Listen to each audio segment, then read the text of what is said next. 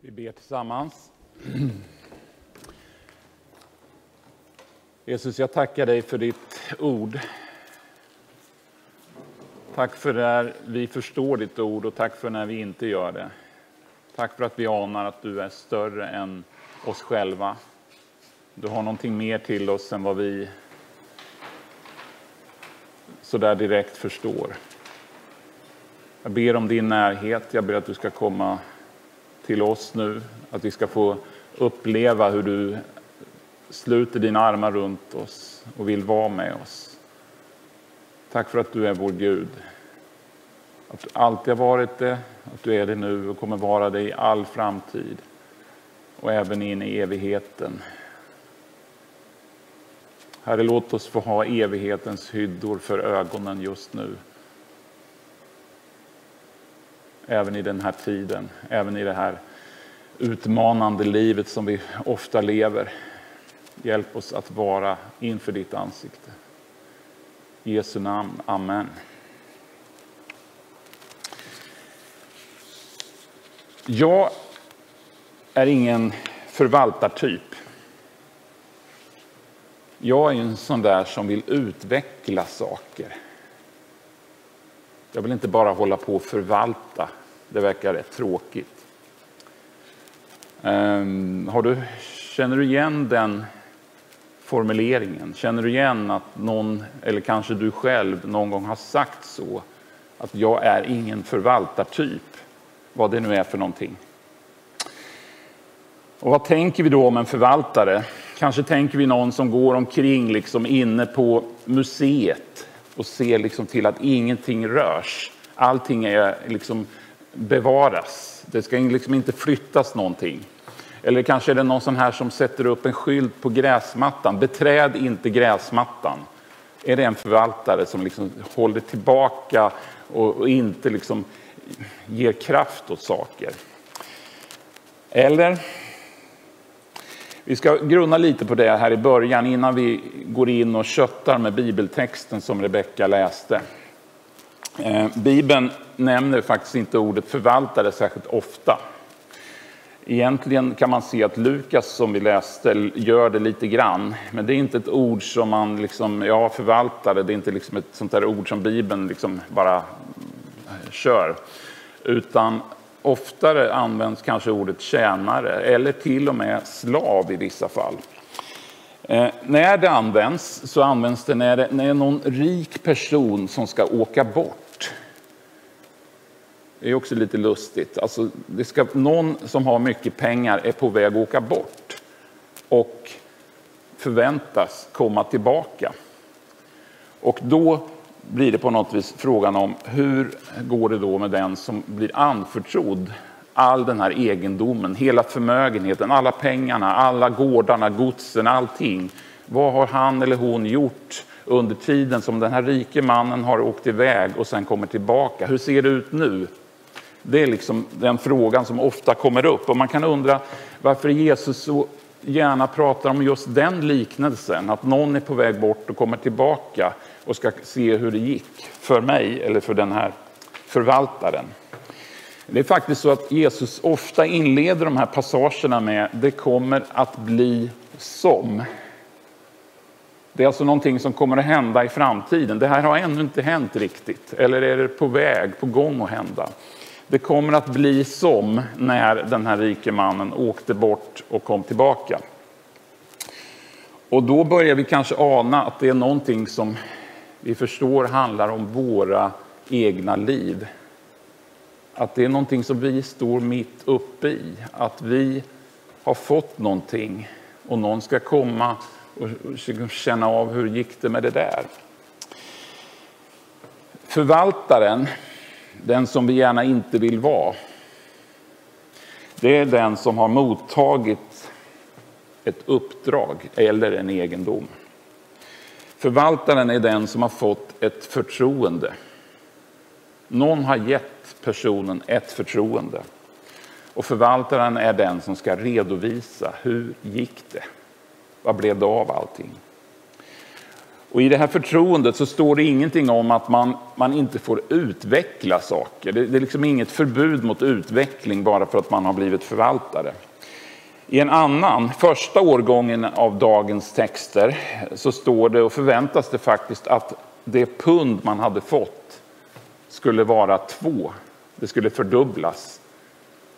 Jag menar, om man ska höja en insats med 100 procent, då går det inte att liksom gå runt och känna här ska allting vara liksom fast. Vi, vi får inte flytta notstället för då, då liksom rasar det. Eh, utveckling krävs om vi ska kunna förmera och fördubbla en insats på ett pund till två. Så utveckla, det står alltså inte emot att förvalta. Det vill jag vara jättetydlig med. Om du inte tar med dig någonting annat från den här predikan så ta med dig det. Utveckla är inte motsatsen till förvalta. Motparten till förvaltaren är inte utvecklaren om vi vänder åt det hållet, utan det är ägaren. Det är ägaren som är motparten. Så man skulle kunna förenklat säga att motsatsen till att förvalta är att äga. Det är två delar av det här myntet. Ägare, förvaltare. Ägaren är ju den som bestämmer. Det måste ju vara rätt skönt, kan man tycka. Alltså den som har full frihet att göra som han eller hon vill. Tänk att vara den, slippa vara den här som ska redovisa. Eh, förvaltaren har ju en del av ägarens frihet på ett sätt, men bara inom ramen för sitt uppdrag. Det här jag har fått, liksom. vad det nu är för någonting. Men ägaren behöver inte liksom redovisa någonting, utan det, det är förvaltaren som kommer att göra det. Då kan man grunna då på oss människor. Vi är ju ändå här nu. Eh, vad är det för roll vi egentligen har? Är vi ägare? Eller är vi förvaltare? Det handlar kanske inte så mycket om vad vi vill vara, utan vad är vi? Ja, kan man säga så att vi är antingen det ena eller det andra? Nej, ofta landar vi i att vi är både och. Och det är det som gör det så snurrigt hela tiden. Vi är både ägare och förvaltare. Å ena sidan får vi under livet många olika uppdrag. Vi får anställningar. Det kan vara på jobbet, det kan vara inom kyrkan, inom politiken. Det är uppdrag, det är eh, lönebaserade anställningar, rena jobb helt enkelt. Och i de här uppdragen så förväntas det saker av oss. Och det ligger något fint i att av någon ta emot ett uppdrag.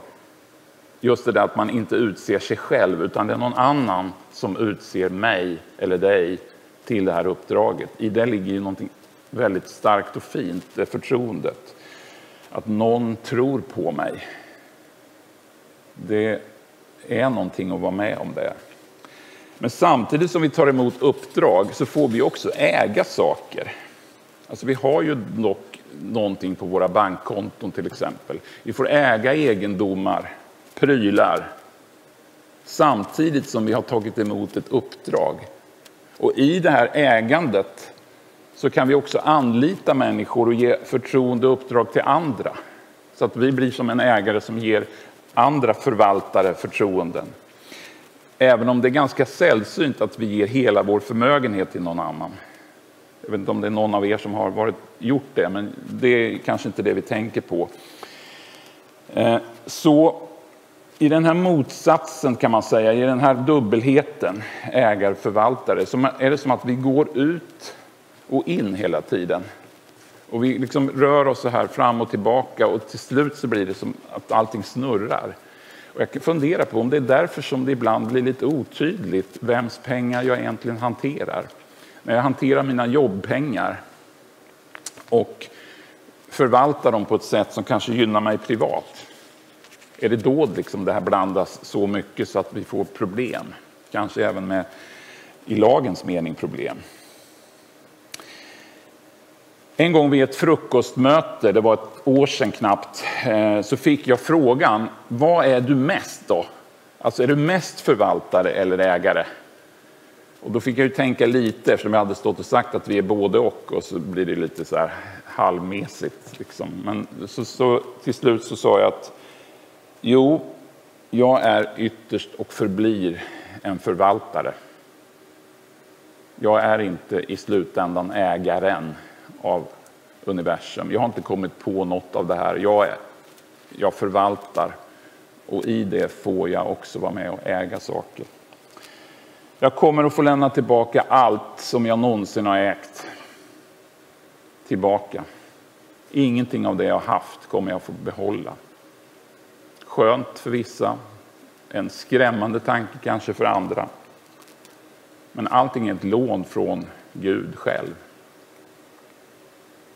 Och ändå, ändå låter Gud oss agera i rollen som ägare, trots att vi är ytterst förvaltare.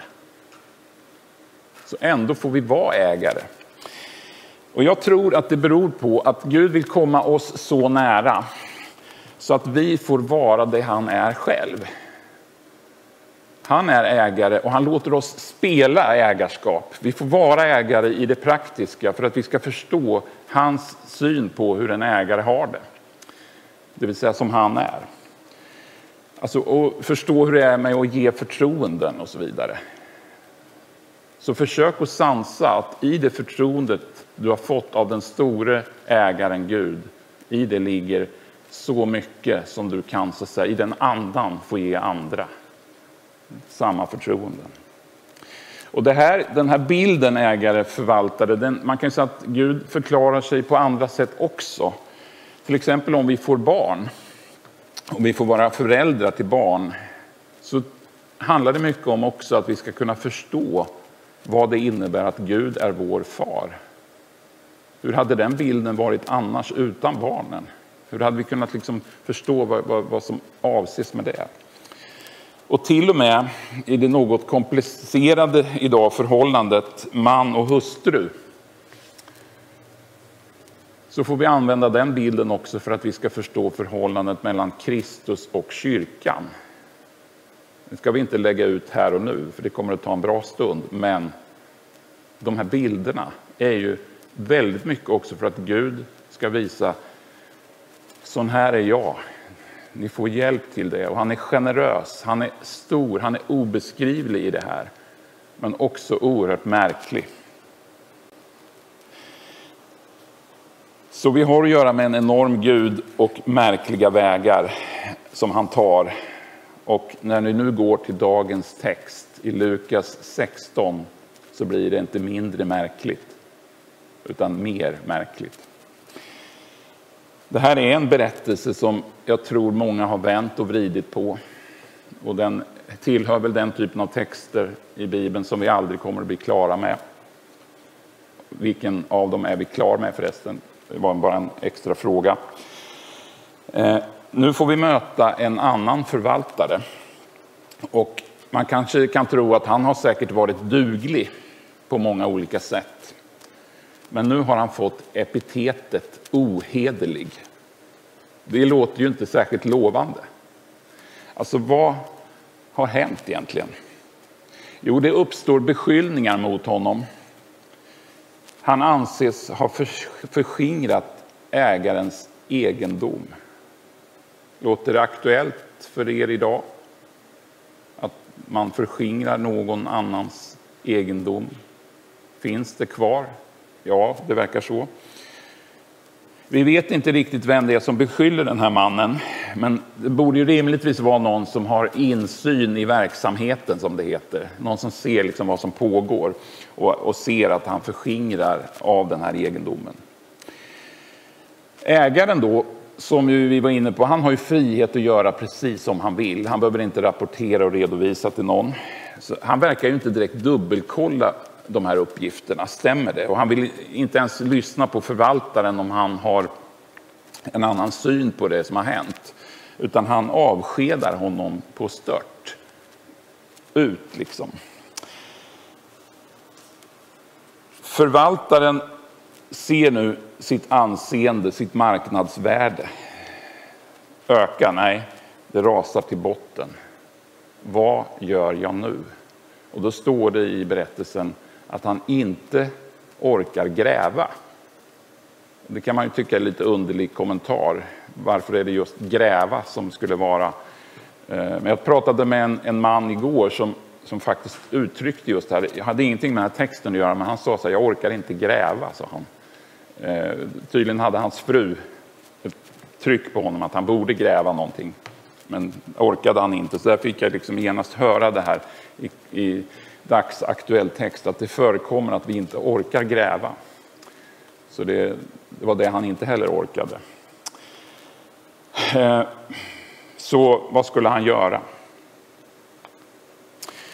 Ja, innan han avslutar sin anställning så lyckas han faktiskt förskingra lite till av förmögenheten. Han var inte färdig med förskingringen, utan det skulle förskingras lite till.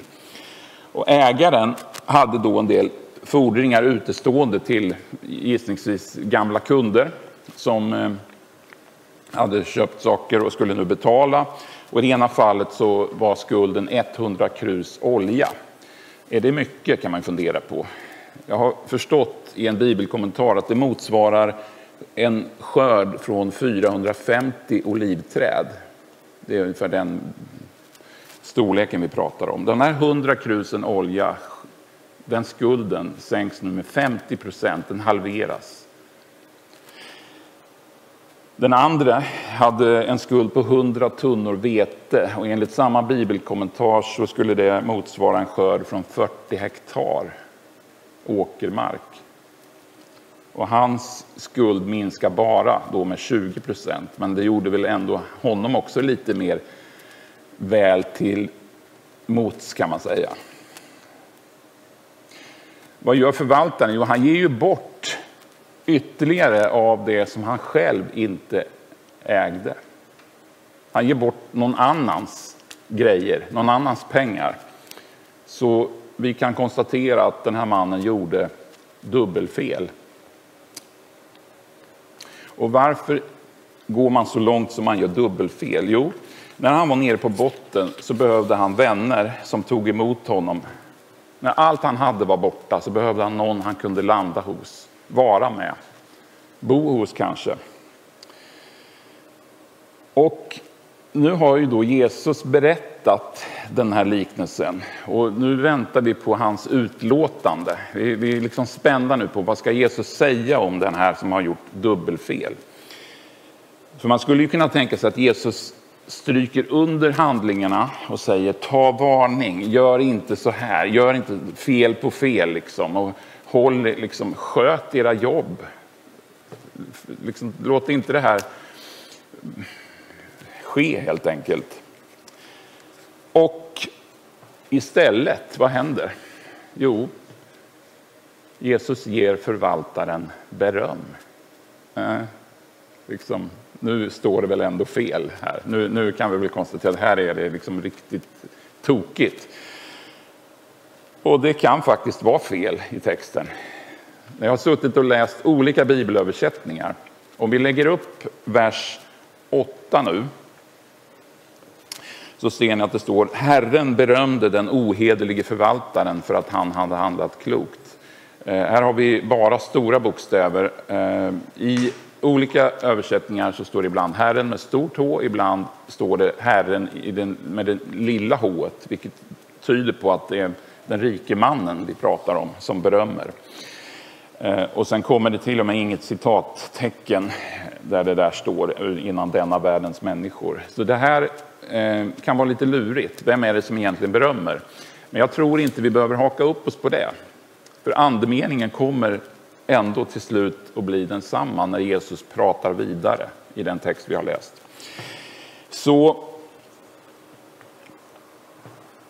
man kan ju fundera på om man ska få beröm om man först har förskingrat och sen för egen vinning ger bort ytterligare av en annans egendom. Det här är ju den stora egentligen frågan i den här texten. Hur ska vi förstå Jesus? Hur ska vi liksom fatta vad han pratar om här? Och det Jesus gör nu är att han förpassar Guds stora, skulle jag säga, utmanare som han benämner med namn i ordet mammon, som egentligen inte är ett namn på en person eller en andemakt, men har blivit det. Det är det arameiska ordet för pengar, egendom. Så när han nämner mammon så hör de pengar, de hör egendom. Det är liksom inget konstigt ord han använder helt plötsligt, utan de hör det.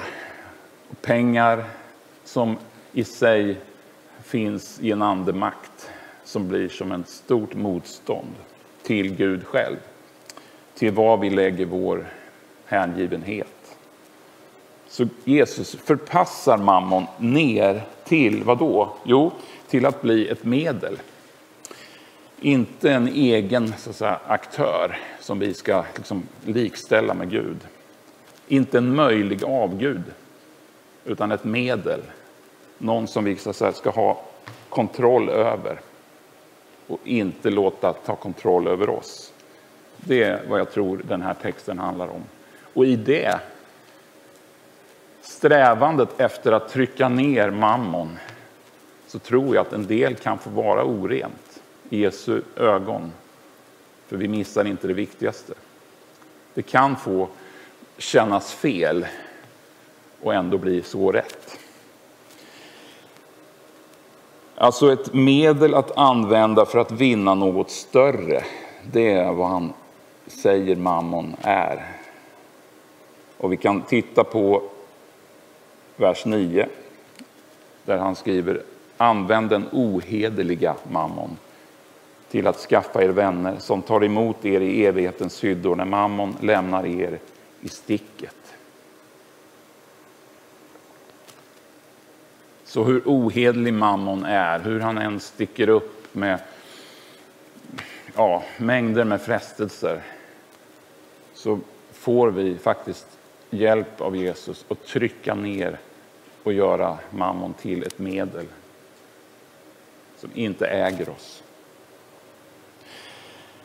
När du eller jag hjälper en människa som har hamnat i ekonomisk nöd. Vi hade ju exempel på, eventuellt exempel på dem i den här texten innan. De som fick sina skulder nedskrivna. Men då hjälper vi för att vi verkligen vill och vi hjälper för att det behövs. Det är väl så man oftast tänker, att jag ser att du behöver hjälp, jag kan försöka hjälpa dig. Så tror jag att man tänker oftast. Det är liksom något som sker naturligt, det sker i kärlek. Och framför allt, vi gör det inte med andras pengar utan vi gör det med våra egna, våra ägda pengar. Så ja, och jag tror nog någonstans att oavsett anledning så kommer den här mottagaren som får de pengarna inte glömma den här hjälpen. Pengarna gör skillnad och skapar en positiv liksom, bindning mellan parterna. Pengarna liksom talar ett språk där. Och det här skulle ju kunna leda till en livslång vänskap som kan vara värt allt den dagen när ditt liv och dina ägodelar tas ifrån dig. Så kan den vänskapen vara värd så mycket. Det finns ett lite senare exempel som jag tänkte faktiskt få eh, anknyta till, en bok som jag har här på pianot. En man som heter, eller hette, han lever inte längre, Jakob Palmstierna.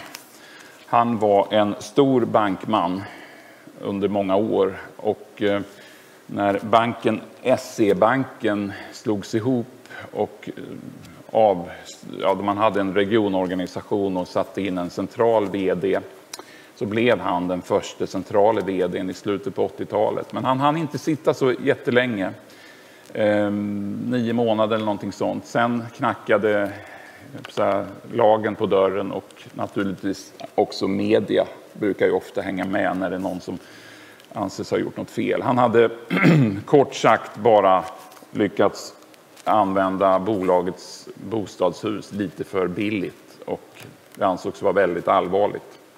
Det är kanske en, en mediastorm som idag skulle förblekna mot annat som vi känner till. Men Han eh, fick eh, till slut ändå ganska mycket rätt i det. Men medialt och i sin omgivning på SE-banken så var han inte värd någonting. Han fick gå omvägar runt Kungsträdgårdsgatan där huvudkontoret låg i Stockholm. Han kom inte dit och han funderade nog bokstavligen på om han skulle gräva eller tigga. Då kan man ju fundera på, är det här liksom slutet då på en pamp, en stor eh, ledare, ett stort företag? Är det slutet? Eller har, finns det några andra saker som så att säga hänger fast här? Eh, han hade haft Tetra Pak som eh, kund från bankens sida under ett antal år. Och när det är som mörkast för Palmstierna så, och han ligger på botten så står det så här att den person som kom först med ett permanent spännande uppdrag var Hans Rausing, alltså från Tetra Pak. Och han frågar, ville jag komma med i Tetras styrelse? Tetra Pak var ju 1990 en framgångssaga men hade inte alltid varit det. Här finns alltså en person som, som upptäcker att Jakob Palmstierna har problem och han ber honom komma in i finrummet igen. Nu får du vara med. Och då kan det ju kännas, ja men det var ju trevligt liksom. Men finns det någon tidigare koppling mellan de här två vännerna? Och då läser vi en sida senare. Jag minns en episod från 1969. Den lätt koleriske riksbankschefen Per Åsbrink gick ut med en bulletin att bankerna skulle skära ner alla företagskunders checkkrediter med 20 procent. Så de krediter de hade skulle skäras ner, de var tvungna att betala in dem helt enkelt. Tetra hade vid det laget en kredit i banken på 100 miljoner. Hans Rausing ringde från Tyskland och sa Tetra går i konkurs, vad ska vi göra? Då säger Palmstierna, jag är stundom rätt fördomsfri. Så jag sa att du får ett amorteringsfritt lån på 20 miljoner som vi använder för att reducera checkkrediten. Och så kommer konstaterandet. Det var en av de händelser i relationen mellan Hans och mig som grundlade en livslång vänskap och ett starkt ömsesidigt förtroende som jag har stor glädje av än idag. Och som vi fick höra hade han stor glädje av det när han låg på botten i näringslivspyramiden. Ja, vänskap. Hur bygger vi vänskap? Det kanske inte bara är med pengar som insats, men pengar talar starka språk när någon till och med tar från sitt privata och offrar av det. Man kan ju tänka att om Jesus ger beröm till den som har gjort så här med andras pengar, hur mycket mer berörs inte Jesus när vi ger av det som är vårt? Mammon, alltså andemakten i pengarna, är i sig själv ohederlig. Det säger ju Jesus här. Vi behöver liksom inte fundera på om pengar är goda eller onda. De är ohederliga. De så att säga hjälper oss inte så mycket. Så när vi ger pengar så får vi den här hjälpen att placera mammon till att bli oss underordnad, en sorts tjänare. Givandet som vi ofta pratar om i kyrkan, och jag tror Rebecka var inne på också, kollekten och givandet. Det är en hjälp att skapa distans till att se oss som ägare. Och att se oss som ägare för evigt. Och dessutom kan givandet sätta fart på många saker som aldrig annars skulle kunnat hända. Så det blir liksom ytterligare en dimension av att använda den ohederliga mammon till någonting som är frivilligt och som gör att vi sätter fart på Guds rike. Ja, hur vi nu gör det. Vi ger förutsättningar och vi vill ge förutsättningar för att Guds rike ska växa. För att människor ska komma till tro på Jesus Kristus och få uppleva att han hjälper oss att inte landa för djupt i den här brottningen så att vi inte vet vem som är ägare och vem som är förvaltare. Vers 13 läser vi till sist. Ingen tjänare kan tjäna två herrar. Antingen kommer han att hata den ene och älska den andra. Eller att hålla fast vid den ene och inte bry sig om den andra. Ni kan inte tjäna både Gud och mammon. Gud välsigne dig på din vandring som förvaltare och ägare. Tack Jesus för den här bibeltexten. Tack för att du har tagit upp en, en berättelse som vi ska lära oss någonting av. Hjälp oss att förstå vad du vill säga. Hjälp oss att ta in den här texten. Hjälp oss att leva ut den. Och att inte göra någonting så vackert och hederligt så att vi missar poängen med ditt eviga rike. Förbarma dig över oss människor som kämpar efter så mycket, som dras till så mycket, där våra ögon längtar efter så många saker. Förbarma dig över oss just nu. Helige Ande, vi lämnar oss i din hand och ber om din välsignelse. Amen.